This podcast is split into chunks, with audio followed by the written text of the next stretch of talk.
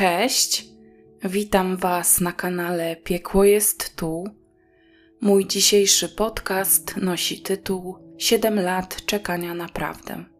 Ta sprawa pokazuje, że można skrywać przed wszystkimi mroczną tajemnicę, a zbudowaną wokół tej tajemnicy historię utrzymywać naprawdę długo ale też obnaża kolejny motyw, który zmusza człowieka do okropnych czynów i do podejmowania trudnych, niestety tragicznych w skutkach decyzji po to, aby chronić rodzinę. Na obrzeżach Bielska Podlaskiego, tuż przy drodze wylotowej prowadzącej do Siemiatycz w województwie podlaskim, stał piętrowy dom, który zamieszkiwało małżeństwo Krystyna i Arkadiusz. W niektórych źródłach mężczyzna jest nazywany Grzegorzem. W każdym razie ja wybrałam to jedno imię i będę się go trzymać do końca tej historii. Para pobrała się w 1989 roku, a krótko po ich ślubie na świat przyszła ich pierwsza córka, właściwie pierwsza i jedyna córka, bo cztery lata później do rodziny dołączył również wyczekany syn. Pierwsze lata wspólnego życia upływały im bardzo szczęśliwie, a w opiece nad dziećmi sprawdzała się zarówno Krystyna, jak i Arkadiusz. Mężczyzna był od swojej żony nieco starszy, prawdopodobnie o 4 lata. Małżeństwem byli już od ponad 20 lat. Byli raczej dobrze sytuowaną parą, ale przez dłuższy czas to zwłaszcza dochody Arkadiusza znacznie zasilały budżet rodziny.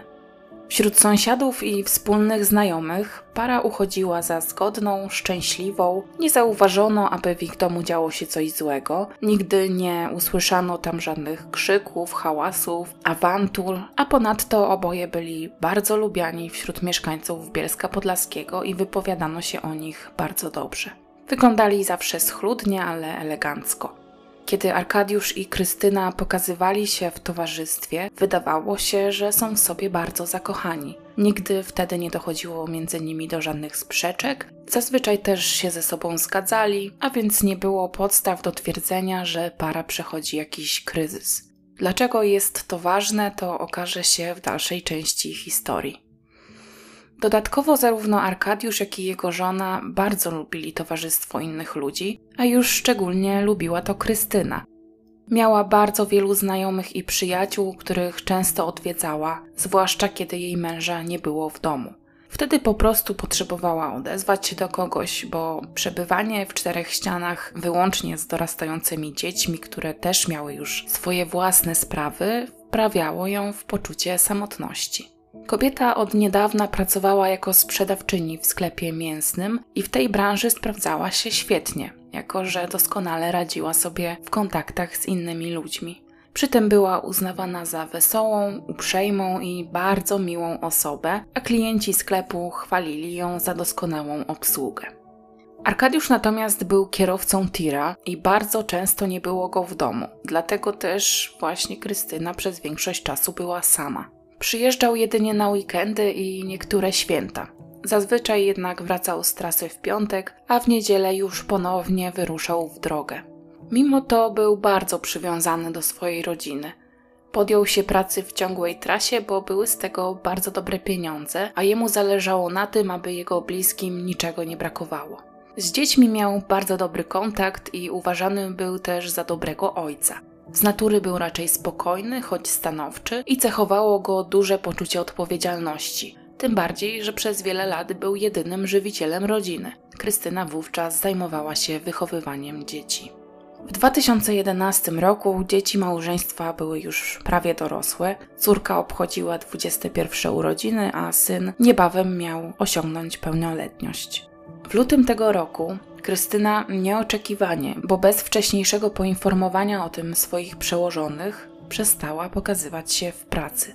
Naturalne zatem, że zaniepokojeni jej niesubordynacją współpracownicy zaczęli się zastanawiać, co takiego mogło się stać, że tak nagle kobieta podjęła decyzję o przerwaniu pracy, nie uprzedzając o niej nikogo. Nie odbierała również telefonów i nie odpowiadała na wiadomości. Jej nieobecnością zaniepokoili się także jej znajomi, zwłaszcza ci najbliżsi. Od kilku dni nie było z kobietą żadnego kontaktu. Wieczór przed swoim zniknięciem Krystyna spędzała u swojej znajomej. Jej dom opuściła późnym wieczorem, właściwie to już nocą, a że było wtedy już bardzo zimno, naturalnie, bo była wtedy zima, to ta znajoma pożyczyła Krystynie swoją kurtkę. Przez kilka kolejnych dni próbowała ją odzyskać, ale na próżno. Koleżanka nie odbierała od niej telefonów i nie pokazywała się na oczy. Wkrótce zaniepokojeni ciszą ze strony Krystyny, zarówno współpracownicy i przełożeni z firmy, w której pracowała, jak i sąsiedzi, z którymi kobieta utrzymywała wcześniej regularny kontakt, zaczęli po kolei pukać do drzwi domu, w którym mieszkała. Przełożeni kobiety chcieli uzyskać podpis pod wypowiedzeniem umowy, który przygotowali dla niej, właśnie za to, że nie dotrzymała warunków. Ale niczego nie udało im się załatwić, bo Krystyny po prostu nie było w domu. Za każdym razem, kiedy stawiali się pod jej domem, drzwi otwierał jej mąż, ale nie był w stanie udzielić im odpowiedzi na pytanie, gdzie kobieta się znajduje. Znajomi Krystyny również nie uzyskali satysfakcjonujących informacji, a co dużo ważniejsze, informacji, które mogłyby ich uspokoić. Wszyscy bowiem bardzo przejmowali się losem kobiety. Szczególnie dlatego, że nawet jej najbliżsi przyjaciele nie mieli pojęcia o tym, że planowała jakiś wyjazd, a już szczególnie, że planowała odejść od swojej rodziny. Arkadiusz sprawiał wrażenie, jakby nagłe zniknięcie jego żony nie za bardzo go obeszło. Wszystkim zainteresowanym opowiadał, że kobieta poznała innego mężczyznę i postanowiła wyjechać z nim za granicę. Arkadiusz nie czuł potrzeby dociekania, z kim i dokąd pojechała Krystyna, bo czuł się przez nią zarówno zdradzony, jak i oszukany. Niechętnie rozmawiał o niej z jej znajomymi i sąsiadami, przedstawiał siebie wówczas w roli porzuconego i skrzywdzonego męża, a Krystyny naturalnie w roli wyrodnej żony i matki. Ale za to cały czas utrzymywał, że choć Krystyna podjęła taką decyzję, w sensie decyzję o wyjeździe, to był z nią w kontakcie i na bieżąco konsultował sprawy, które zostawiła niedomknięte. Kobieta miała kilka razy skontaktować się też ze swoimi dziećmi, ale zarówno mężowi, jak i córce czy synowi nie podała swojego aktualnego miejsca zamieszkania. Prosiła też, aby jej nie szukać i nie próbować nakłaniać jej do powrotu. Mimo takich zapewnień ze strony rodziny, znajomi się nie poddawali. Chcieli chociażby, aby Arkadiusz podał im nowy adres Krystyny albo numer telefonu, pod którym mogliby się z nią skontaktować, ale mężczyzna zbywał takie prośby stanowczą odmową. Przyjaciele kobiety, przekonani o tym, że od Arkadiusza nie dowiedzą się prawdy, próbowali wyciągnąć jakieś informacje od jego teściowej. Byli przekonani, że matka zaginionej podzieli ich obawy o tajemniczy los swojej córki. Kobieta jednak, ku ich zdziwieniu, przedstawiła im dokładnie tę wersję, którą znali już z opowieści Arkadiusza. Przyznała jednak, że choć bezpośrednio nie kontaktowała się z córką, to przyjęła do wiadomości wersję wydarzeń, jaką zasłyszała od zięcia i wnuków. Nie do końca była do niej przekonana, ale też nie miała żadnej możliwości, żeby zweryfikować samodzielnie te fakty. Jej również zięć nie podał żadnego kontaktu do córki, a ona sama nie postanowiła się z nią skontaktować.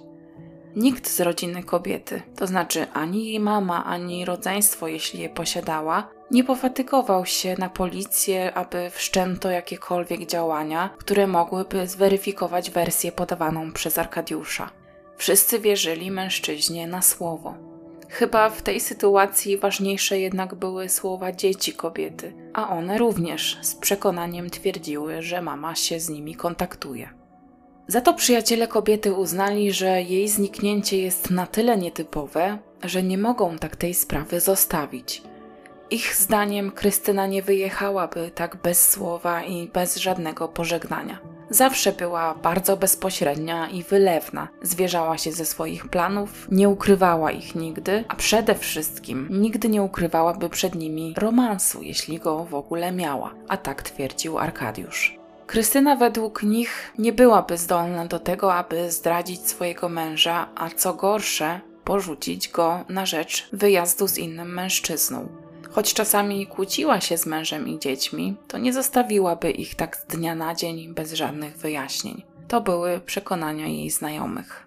Krystyna nie była też na tyle spontaniczną osobą, aby tak po prostu pewnego dnia w ciągu jednej chwili podjąć decyzję o wywróceniu całego swojego życia i poniekąd też życia swojej rodziny do góry nogami. Gdyby natomiast kiedykolwiek planowała jakiś wyjazd i to jeszcze za granicę, na pewno wcześniej po pierwsze poinformowałaby swoich przyjaciół, a po drugie zamknęłaby swoje sprawy, które miała jeszcze na miejscu, przede wszystkim te związane z pracą, którą tak po prostu porzuciła. Krystyna, choć bywała roztargniona, to w ich oczach nie była na tyle nieodpowiedzialna, żeby do czegoś takiego dopuścić. Zatem coś w tłumaczeniach rodziny kobiety im nie pasowało. Przyjaciele wybrali się więc na policję, aby przedstawić swoje podejrzenia i poprosić o wyjaśnienie nagłego zniknięcia Krystyny. Policjanci jednak nie zdecydowali się podjąć żadnych działań, zwłaszcza, że rozmawiali już z mężem kobiety i z jej dziećmi, i tak samo jak przed znajomymi, tak i przed funkcjonariuszami, rodzina kobiety utrzymywała, że jest z Krystyną w kontakcie i że nic złego jej nie grozi. Wydawało się więc, że decyzję o wyjeździe Krystyna faktycznie podjęła całkowicie świadomie i dlatego nie było podstaw, aby wszcząć jakiekolwiek działania poszukiwawcze. Mijały lata, Krystyna nadal nie nawiązała kontaktu z nikim więcej poza mężem i dziećmi, i to jeszcze sporadycznie, ale do Urzędu Skarbowego wpłynął rozliczony drogą elektroniczną PIT za rok 2010, podpisany nazwiskiem kobiety. A więc wydawało się, że rzeczywiście jest tak, jak rodzina utrzymuje. Czyli z Krystyną wszystko w porządku, skoro zdalnie załatwiała swoje urzędowe sprawy. Po jakimś czasie od jej wyjazdu, czy też zniknięcia, Arkadiusz postanowił uporządkować swoje sprawy osobiste i złożył do sądu wniosek rozwodowy.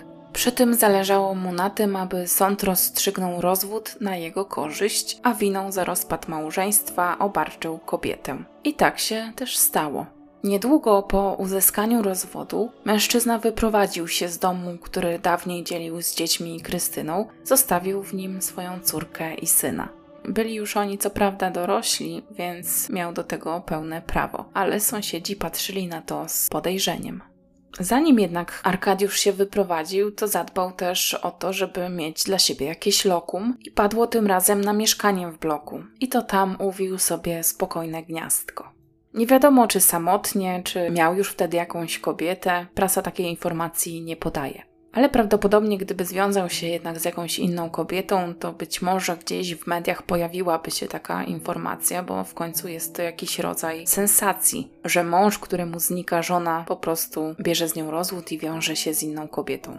Co prawda w jakimś tam odstępie czasu, no ale zawsze patrzy się na to z pewnym podejrzeniem. Wkrótce też córka kobiety szykowała się do zamąż pójścia. Kiedy nadszedł jej wielki dzień, sąsiedzi przyglądali się ceremonii z niedowierzaniem, pytając, dlaczego Krystyna nie pojawiła się na ślubie własnej jedynej córki. Dziewczyna powiedziała, że oczywiście zaprosiła mamę, rozmawiała z nią przez telefon, ale kobieta odmówiła przyjścia. Nikt więcej tematu nie drążył.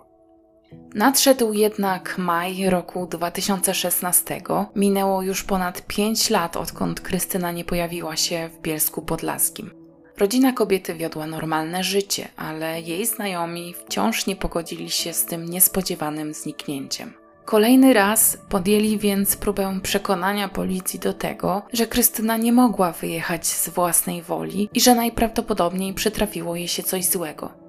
Ci przyjaciele nie mogli pogodzić się z tym, że kobieta nie nawiązała z nimi kontaktu, nie podjęła żadnej próby kontaktu, a przecież znała ich numery telefonów, znała ich adresy, mogła wysłać jakiś list, czy nawet krótką wiadomość, i to mogłoby ich w jakiś sposób uspokoić. To, że tak się nie stało, sprawiło, że wciąż mieli bardzo złe przeczucia. Niespodziewanie zgłoszenie kolejnych ludzi zmartwionych losem swojej przyjaciółki przyniosły w końcu efekty. Miejscowi funkcjonariusze policji zaczęli się zastanawiać, czy nie ma w ich podejrzeniach choćby ziarna prawdy. Zwłaszcza, że w końcu i im wydało się podejrzane to przepadnięcie na kilka lat dosłownie jak kamień w wodę. Zaczęto więc krążyć wokół Arkadiusza. Dyskretnie obserwowano jego kroki. Wydawał się on bowiem najbardziej podejrzany i jako jeden z nielicznych członków rodziny Krystyny utrzymywał, że ma ze swoją już wtedy byłą żoną kontakt. Zdecydowano się więc na podjęcie radykalnych kroków i w telefonie mężczyzny założono podsłuch. W taki sposób nieoczekiwanie potwierdziły się obawy bliskich przyjaciół zaginionej kobiety. Z rozmów telefonicznych, które Arkadiusz prowadził ze swoimi dziećmi, jasno wynikało, że Krystyna już nigdy nie wróci do domu, bo pewnego zimowego wieczora po prostu straciła życie. Podsłuchane rozmowy nie były jednak wystarczającym dowodem na to, że mężczyzna zrobił kobiecie krzywdę. Mimo to postanowiono go zatrzymać, a w międzyczasie przeszukać teren domu, który wówczas zajmowały już tylko dzieci małżeństwa, a w którym kiedyś mieszkała cała rodzina.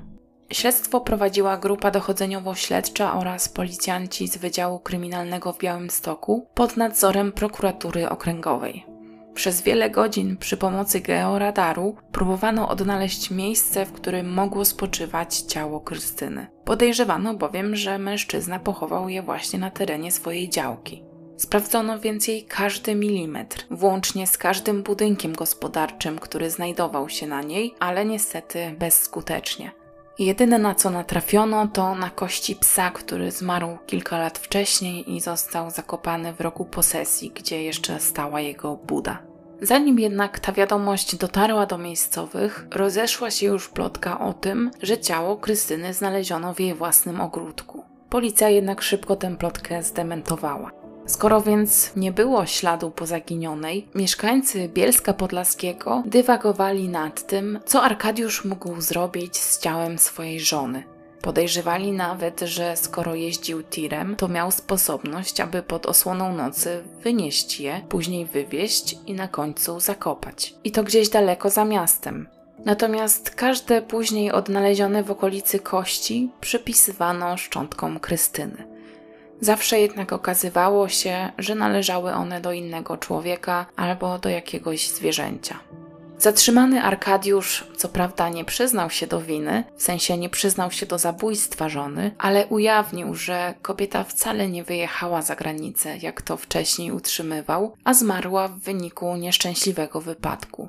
O tym wydarzeniu krótko po fakcie poinformował wyłącznie swoje dzieci, ale też nie zdradził im szczegółów. Nie powiedział ani co się stało tak naprawdę, ani gdzie zakopał jej ciało. Dlaczego dzieci Krystyny nie przejęły się jej śmiercią, to już niebawem się tego dowiemy. Fakty z życia rodzinnego Arkadiusza i Krystyny wyszły na jaw dopiero później. Póki co, aresztowany utrzymywał, że jego żona spadła ze schodów podczas kłótni, która wywiązała się między nimi w nocy z 19 na 20 lutego 2011 roku, czyli w nocy, kiedy Krystyna była widziana po raz ostatni. Arkadiusz wtedy popchnął Krystynę, a w wyniku tego popchnięcia kobieta straciła równowagę. Na nieszczęście znajdowała się wtedy blisko schodów. Zatrzymany otrzymał zarzut pozbawienia życia Krystyny i najbliższe miesiące miał pozostać w areszcie tymczasowym. Ale jego adwokat złożył do sądu zażalenie, w wyniku którego zdecydowano się go wypuścić na wolność. Na jego winę nie było wówczas żadnych dowodów, i to był właśnie powód, przez który sąd zdecydował się przychylić do wniosku obrońcy mężczyzny. Kluczowym dowodem miały być oczywiście zwłoki Krystyny, ale nie zapowiadało się na to, że zostaną one szybko odnalezione. Zwłaszcza, że sam podejrzany nie był w stanie sobie przypomnieć, gdzie je ukrył. Policjanci uwolnili więc mężczyznę, ale nie ustali w poszukiwaniach z przekonaniem, że wkrótce trafią na mocne dowody, które pozwolą ponownie zakuć go w kajdanki, przeszukiwali pobliskie tereny. Kiedy ich działania nie przynosiły żadnych efektów, powołano profilera psychologicznego, a także profilera geograficznego, który miał za zadanie odtworzyć trasę, jaką mógł w noc tragedii poruszać się podejrzany. I ta trasa mogła wskazać, gdzie zakopał ciało, ponieważ podejrzewano, że ciało oczywiście zostało zakopane, bo sam mężczyzna wcześniej się do tego przyznał. Do ciała kobiety ostatecznie na szczęście po długiej, wyczerpującej, żmudnej i trudnej pracy śledczych udało się dotrzeć dopiero dwa lata później, wiosną 2018 roku. Jak to się stało? Istnieją dwie wersje. Pierwsza to taka, że stało się to właśnie przy pomocy profilera geograficznego oraz przy wsparciu osoby przeszkolonej w poszukiwaniu zwłok w terenie. Inna, zaznaczam, że to być może tylko miejscowa legenda, ale była ta inna wersja i głosiła, że Arkadiusz w nocy z 19 na 20 lutego był widziany w lesie przez jednego z mieszkańców Bielska Podlaskiego. Co było nietypowe w tej obserwacji, to przede wszystkim fakt, że mąż zaginionej Krystyny poruszał się po tym lesie koparką. Było to zimą, a więc tym bardziej wydawało się temu mężczyźnie, który zastał w lesie obraz kopiącego w zmarzniętej ziemi Arkadiusza, dosyć niespotykane. Ale na tamten moment, poza tym, że było to niespotykane i niecodzienne, to nie było w tym nic podejrzanego. Raczej nie powiązał tego wydarzenia z późniejszym zniknięciem żony Arkadiusza. I mężczyzna ten dopiero po znacznym czasie połączył te dwa fakty i olśniło go, dlaczego widział wtedy Arkadiusza w tym lesie. Nie opowiedział o tym wprawdzie policji, powiedział o tym swojej rodzinie, która później wieści przekazała na komendzie. Mężczyzna, który miał być świadkiem, jak Arkadiusz prawdopodobnie pozbywał się ciała swojej żony, zmarł niedługo po tym wyznaniu. Śledczy postanowili podążyć więc tym tropem. Nie było to jednak łatwe zadanie, bo las ten znajdował się na sporej powierzchni. Trzeba było więc przeszukać znaczną jej część, zanim udało się dotrzeć do grobu kobiety.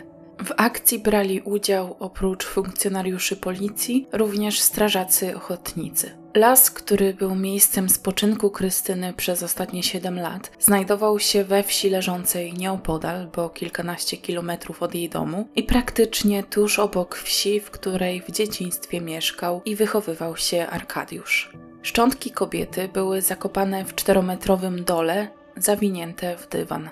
Podczas sekcji zwłok biegli potwierdzili tożsamość ofiary oraz ustalili najbardziej prawdopodobną przyczynę jej śmierci. Ślady na kościach wskazywały na to, że otrzymała ona co najmniej dwa silne ciosy w okolice serca, prawdopodobnie nożem. I musiały być to naprawdę silne ciosy, bo ostrze wbiło się w żebra. Arkadiusz długo nie nacieszył się wolnością. Tuż po odkryciu ciała został ponownie aresztowany. Tym razem również nie przyznał się do winy i początkowo nawet odmówił składania wyjaśnień. Dopiero po jakimś czasie, kiedy zapoznał się z dowodami zabezpieczonymi w śledztwie, opowiedział o wydarzeniach z lutowej nocy. Ale jego wersja wydarzeń od poprzedniego aresztowania nieco się zmieniła, bowiem ślady na kościach ofiary bynajmniej nie wskazywały na zwykły upadek ze schodów. Skonfrontowany z obrażeniami, jakie biegli z zakresu medycyny sądowej zabezpieczyli na szczątkach Krystyny, opowiedział śledczym historię o tym, jak kobieta spadła ze schodów i nadziała się przy tym na nóż, który wówczas trzymała w rękach, bo miała go zamiar odnieść na miejsce do kuchni. Mężczyzna nie zgłosił tego wypadku na policję, ponieważ był przekonany, że nikt nie uwierzy w wersję o nieszczęśliwym wypadku. Zresztą martwił się o to, jak dzieci przeżyją obie straty naraz, bo był przekonany, że zamkną go za to w więzieniu. Postanowił więc, że sam ukryje ciało i będzie udawał, że żona zostawiła rodzinę i wyjechała. Ta wersja jednak nie współgrała z dowodami, które udało się śledczym zgromadzić. W sumie Arkadiusz zmieniał wersję wydarzeń jeszcze kilka razy. Za każdym razem jednak umniejszał swoją rolę w tych tragicznych wydarzeniach. Dopiero po tym, jak wyszło na jaw, że to Arkadiusz stał za zniknięciem swojej żony, zaczęły pojawiać się głosy, które widziały jednak jakieś nieprawidłowości w tym małżeństwie. Wcześniej, zanim ktokolwiek rzucił podejrzenia w stronę mężczyzny, wszyscy zgodnie uważali, że para wyglądała na szczęśliwą w swojej relacji. Tymczasem w 2018 roku plotki w mieście głosiły, że Arkadiusz izolował swoją żonę od dzieci i dyskredytował ją w ich oczach tak, że powoli odsuwały się od matki i traktowały ją bardzo chłodno. Ponadto córka pary miała wejść z nią w długotrwały konflikt i prawdopodobnie chodziło w nim o jakiegoś mężczyznę. Zatem nie była to jednak tak przykładna rodzina. Akt oskarżenia wpłynął do sądu jeszcze tego samego roku, co odnaleziono ciało ofiary i wszystko potoczyło się już błyskawicznie. Na tyle błyskawicznie, że w lutym 2019 roku podejrzany o zabójstwo mężczyzna stanął przed sądem okręgowym w Białymstoku, gdzie został oskarżony o to, że w nocy z 19 na 20 lutego 2011 roku, działając z zamiarem bezpośrednim pozbawienia życia Krystyny, ugodził ją nożem w okolice klatki piersiowej co najmniej dwukrotnie, czym spowodował obrażenia wewnętrzne i krwotok wewnętrzny u kobiety, w wyniku którego zmarła. Prokurator wnosił o wymierzenie mu za ten czyn kary 25 lat pozbawienia wolności. Arkadiusz po raz pierwszy od czasów wszczęcia śledztwa złamał się, przyznał się do winy i przed sądem opowiedział o swoim pożyciu małżeńskim. Z Krystyną ożenił się z miłości. Kiedy doczekali się dwójki dzieci, byli naprawdę szczęśliwi. Szczęście to trwało przez kilkanaście długich, pięknych lat. Kobieta opiekowała się dziećmi, czuwała nad ich bezpieczeństwem, kiedy Arkadiusz wyjeżdżał w kolejne trasy. Pracował dużo i ciężko, bo jako jedyny żywił całą rodzinę. Chciał zapewnić jej wszystko, co najlepsze.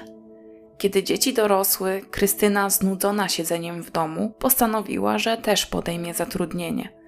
Akurat szukali kogoś do jednej z popularnych sieci sklepów mięsnych. Od razu została tam przyjęta. Miała przynosić wypłatę do domu i dokładać się do utrzymania rodziny, ale z jej wynagrodzenia chyba nikt nigdy nie zobaczył chociażby złotówki. Krystyna, kiedy wyszła trochę do ludzi, to zmieniła się nie do poznania. Zaczęła znikać wieczorami, niekiedy nie było jej całe noce, a wkrótce nawet i przez kilka dni i nocy nie wracała do domu. Arkadiusz początkowo nic o tym nie wiedział, bo był wtedy w trasie, ale kiedy wracał, dzieci ze wszystkiego mu się zwierzały. Wyszło na jaw, że kobieta zaczęła pić alkohol i w krótkim czasie uzależniła się od tego na tyle, że wpadała w ciągi.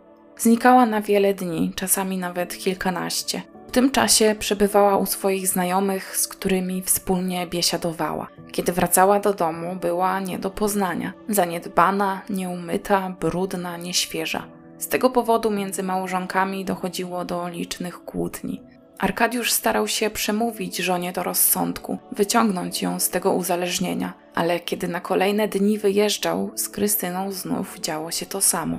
Nie było jej w domu, a wracała do niego po kilku dniach w kiepskim stanie. W dodatku wyszło na jaw, że kobieta nie dość, że za własną wypłatę imprezowała, to jeszcze miała długi nie tylko u znajomych, ale też w bankach, do tego stopnia, że w końcu jej konto bankowe zostało zajęte przez komornika. Arkadiusz stracił już do niej cierpliwość.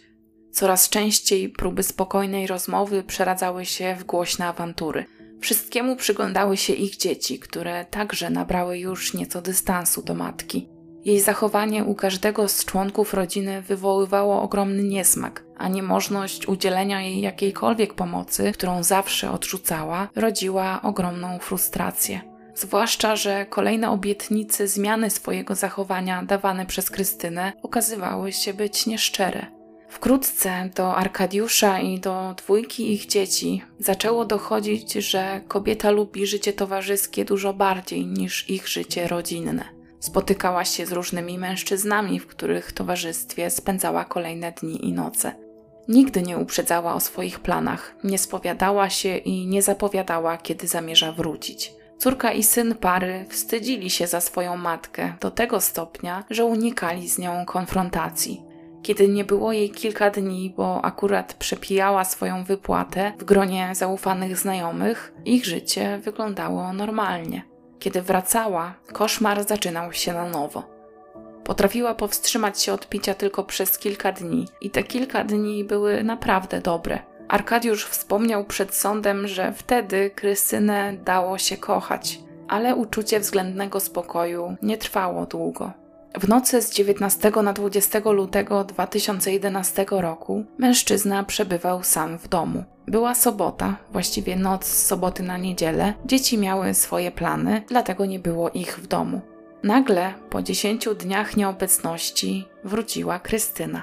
Była, jak zwykle, zaniedbana, brudna, głodna. Ubrania, które miała na sobie, chciała włożyć do pralki, ale znajdowały się tam już rzeczy dzieci pary i Arkadiusza. Mężczyzna więc stanowczo zabronił żonie dołożyć do nich brudne, zapewne też brzydko pachnące ubrania, których kobieta nie zmieniała przez kilka dni. Uważał, że to obrzydliwe. Krystyna oburzyła się, słysząc takie słowa z ust męża, i doszło pomiędzy parą do sprzeczki, która przerodziła się w awanturę. Na skutek tej ostrej wymiany zdań, zdenerwowana Krystyna pobiegła do kuchni, z szuflady wyjęła nóż i ruszyła z nim w stronę Arkadiusza, wykrzykując, że go zabije. Podobno nie był to pierwszy raz. Takie groźby padały z jej ust w miarę często. Pomiędzy parą doszło do szarpaniny, ponieważ mężczyzna bardzo chciał odebrać żonie to niebezpieczne narzędzie. Była w takim stanie, że mógł przypuszczać, że tym razem spełni swoje groźby. Ona jednak mocno ściskała nóż w dłoniach i wyrwanie jej go kosztowało sporo zachodu, ale w końcu się udało. Kiedy mężczyzna przechwycił narzędzie z rąk rozwścieczonej kobiety, ta rzuciła się na niego ponownie, tym razem z rękami, ciągnąc za jego sweter, który miał wtedy na sobie. W wyniku tych przepychanek nagle oboje przewrócili się na podłogę. Krystyna tak niefortunnie, że nadziała się na nóż, który cały czas, aż do momentu upadku, trzymał w rękach Arkadiusz. Mężczyzna podniósł się z podłogi i dostrzegł, że spod ciała jego żony wydobywa się ogromna kałuża krwi, a w jej boku, tuż pod pachą, tkwi nóż. Chwilę później obserwował, jak jej ciałem wstrząsają konwulsje, a wkrótce zorientował się, że przestała oddychać. Przed sądem nie był w stanie przypomnieć sobie całego przebiegu wydarzeń. Silne emocje, jakie wtedy odczuwał, znacznie wpłynęły na jego stan psychiczny i wyparł on niektóre czynności, które jeszcze tej nocy wykonywał. Pamiętał jednak, że chwilę po tym, jak spostrzegł, że Krystyna zmarła, wyszedł na chwilę z pomieszczenia, gasząc za sobą światło. Musiał nieco ochłonąć i zastanowić się, co ma dalej robić. Świadomość tego, że Krystyna odeszła, a on nie może pozwolić na to, aby jego dzieci straciły również ojca, kazała mu działać zgodnie z planem. Wrócił więc tam, gdzie spoczywało ciało jego żony i postanowił przeciągnąć je do garażu.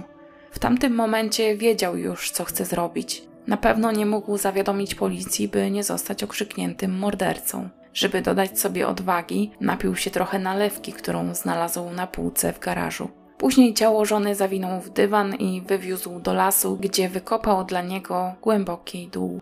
Kolejnego dnia, kiedy chciał wrócić w to miejsce, nie potrafił już go znaleźć. W nocy spadł śnieg i pod jego stertą nie było widać żadnych śladów. Arkadiusz wyjaśnił, że jego dzieci nie miały nic wspólnego ze śmiercią Krystyny. Co prawda powiadomił je o tym, że kobieta zmarła, ale jednak postanowił, że oszczędzi im szczegółów, a one i tak o nie nie dopytywały. Tak naprawdę poczuły ogromną ulgę, kiedy Krystyna zniknęła z ich życia i tak od dłuższego czasu zamieniała je wszystkim w piekło. Przed sądem zeznawała zarówno córka, jak i syn małżeństwa. Oboje potwierdzili to, co ich ojciec opowiedział na temat ich matki. Dodali też, że nie mają do niego żalu o to, co się stało. Krystyna była złą matką, nie liczyła się z potrzebami innych, niszczyła im życie, doprowadzała do tego, że żyły w ciągłym strachu o nią. Bywało, że całą rodziną biegali po lasach, zaglądali do mieszkań jej przyjaciół od kieliszka i szukali jej, wiedząc, że znowu się gdzieś zaszyła i kolejny dzień pije. Chcieli wtedy sprowadzić ją do domu. Ale wkrótce przestali tego chcieć. Krystyna nie dawała sobie pomóc. Po czasie nawet dzieci prosiły ojca, aby rozwiódł się z ich matką i pozwolił jej żyć swoim życiem. Tym samym i oni zyskaliby spokój. Tak naprawdę i tak niczego nie wnosiła do ich życia poza ciągłym niepokojem, wstydem, złością. Kojarzyła im się tylko ze złymi emocjami. Arkadiusz jednak wierzył, że jego żona kiedyś zrozumie, co jest dla niej najważniejsze, porzuci swój nauk i wróci do rodziny. Kiedy Krystyna zniknęła, wszyscy odetchnęli i wróciła normalność, której już dawno w ich domu nie było. Mężczyzna przez swoje dzieci był określany jako dobry człowiek, który celowo nie zrobiłby nigdy nikomu krzywdy. Obrońca Arkadiusza próbował przekonać sąd, że mężczyzna działał w stanie silnego wzburzenia i kwalifikacja czynu powinna zostać zmieniona. Gdyby sąd uwzględnił słowa adwokata, Arkadiusz mógłby dostać karę od roku do 10 lat pozbawienia wolności. Wersja wydarzeń przedstawiona przez oskarżonego przed sądem, jakoby śmierć jego żony była wynikiem upadku i przypadkowego nadziania się na nóż, nie znalazła potwierdzenia w ekspertyzach biegłych. Zauważyli oni bowiem, że kobiecie zostały zadane przynajmniej dwie rany. Jedna owszem, w miejscu, które wskazał Arkadiusz, ale druga była już bliżej serca. Nie było możliwości, że kobieta całkowicie przypadkowo dwukrotnie nadziała się na nóż, zwłaszcza, że wbił się za każdym razem bardzo głęboko. Pierwsza opinia biegłych psychologów i psychiatrów jeszcze z października 2016 roku wykluczyła, aby mężczyzna znajdował się w stanie silnego wzburzenia. Była to natomiast opinia, którą sporządzono podczas pierwszego aresztowania Arkadiusza, czyli jeszcze wtedy zanim znaleziono ciało ofiary i zanim świadkowie złożyli swoje zeznania. Kiedy więc grupa psychologów i psychiatrów ponownie przeanalizowała akta, z dużą dozą prawdopodobieństwa określiła, że oskarżony mógł dokonać zbrodni w stanie silnego wzburzenia usprawiedliwionego okolicznościami. Część tej opinii brzmiała, cytuję, przejmując, że ta sytuacja, czyli konflikt małżeński, trwała bardzo długo, wpłynęła na deprywację potrzeb bliskości, miłości, narastanie poczucia krzywdy. Mamy do czynienia z osobowością, która nie ujawnia emocji. W sytuacji stresogennej, gdzie istnieje realne zagrożenie własnego życia, mogło dojść do spiętrzenia tych emocji, przelania czary goryczy. Biegli dodali, że zachowanie Arkadiusza tuż po śmierci Krystyny, czyli planowanie ukrycia jej ciała, miało na celu na swój sposób ochronę rodziny. Tę opinię podważył prokurator, ponieważ była ona kompletnie sprzeczna z tym, co zawierał akt oskarżenia. Na jego wniosek sąd powołał więc inną grupę specjalistów z dziedziny psychologii i psychiatrii, którzy mieli za zadanie wydać rozstrzygającą opinię. Chodziło o to, żeby ustalić, czy oskarżony działał w stanie silnego wzburzenia, czy nie. I wychodzi na to, że nie, bo Sąd Okręgowy w Białymstoku w październiku 2019 roku ogłosił wyrok skazujący Arkadiusza na karę 15 lat pozbawienia wolności, przyjmując, że działał on z zamiarem zabójstwa i doskonale zdawał sobie przy tym sprawę z tego, co robił, a wskazywała na to siła ciosów, które przebiły żebra. Jeden z nich dosłownie wbił się w kość, drugi tylko ją drasnął. Nie było mowy, aby te rany zostały ofierze zadane przypadkowo. Sąd uznał też, że każda z wersji, jaką podawał na wszystkich etapach postępowania karnego oskarżony, dostosowana była do dowodów, jakie akurat udało się na jego winę zdobyć. Za każdym razem jednak Arkadiusz przedstawiał tę wersję tak, aby móc powiedzieć, że śmierć Krystyny była wynikiem nieszczęśliwego wypadku. Robił to po to, aby nie ponieść adekwatnych do czynu, jakiego się dopuścił, konsekwencji. Apelację od wyroku złożył zarówno prokurator, jak i obrońca Arkadiusza. Sąd apelacyjny natomiast nie przychylił się do żadnego wniosku i w całości podtrzymał wyrok pierwszej instancji. Wniosek do Sądu Najwyższego o kasację wyroku również został odrzucony. Tym samym od 2021 roku wyrok 15 lat pozbawienia wolności dla Arkadiusza jest już ostateczny. Dzieci Arkadiusza i Krystyny nie poniosły żadnej odpowiedzialności karnej za to, że niemal od początku wiedziały o śmierci swojej matki i nie zgłosiły tego faktu nigdzie. Nie udowodniono im udziału w wydarzeniach z tragicznej nocy. To już jest wszystko, co w tej sprawie udało mi się przeczytać. Na mnie ta historia zrobiła duże wrażenie. Po pierwsze, wydarzyła się całkiem niedaleko ode mnie. Po drugie, zawsze najbardziej nurtują mnie historie, w których komuś udaje się utrzymywać tak straszną tajemnicę przez tyle lat. Również w tej sprawie zaintrygowały mnie relacje rodzinne. Dlaczego nikt z rodziny, oczywiście poza osobami wtajemniczonymi w sprawę od początku, nie czuł potrzeby, aby odzyskać kontakt ze swoją bliską? Czy może też w jakiś sposób jej choroba alkoholowa dała im się we znaki i dlatego uznali, że lepiej im bez tego kontaktu? Dajcie koniecznie znać, co wy o tym myślicie, czy macie podobne przemyślenia, a jeśli nie, to jakie są wasze. Będzie mi bardzo miło, jeśli zostawicie mi łapkę w górę, o co nieczęsto proszę, i komentarz, o co proszę zazwyczaj, bo czytanie i odpowiadanie na wasze komentarze to naprawdę mój ulubiony rytuał. Tymczasem ja już przytulam każdego, kto dzisiaj tego potrzebuje i mam nadzieję, że słyszymy się niebawem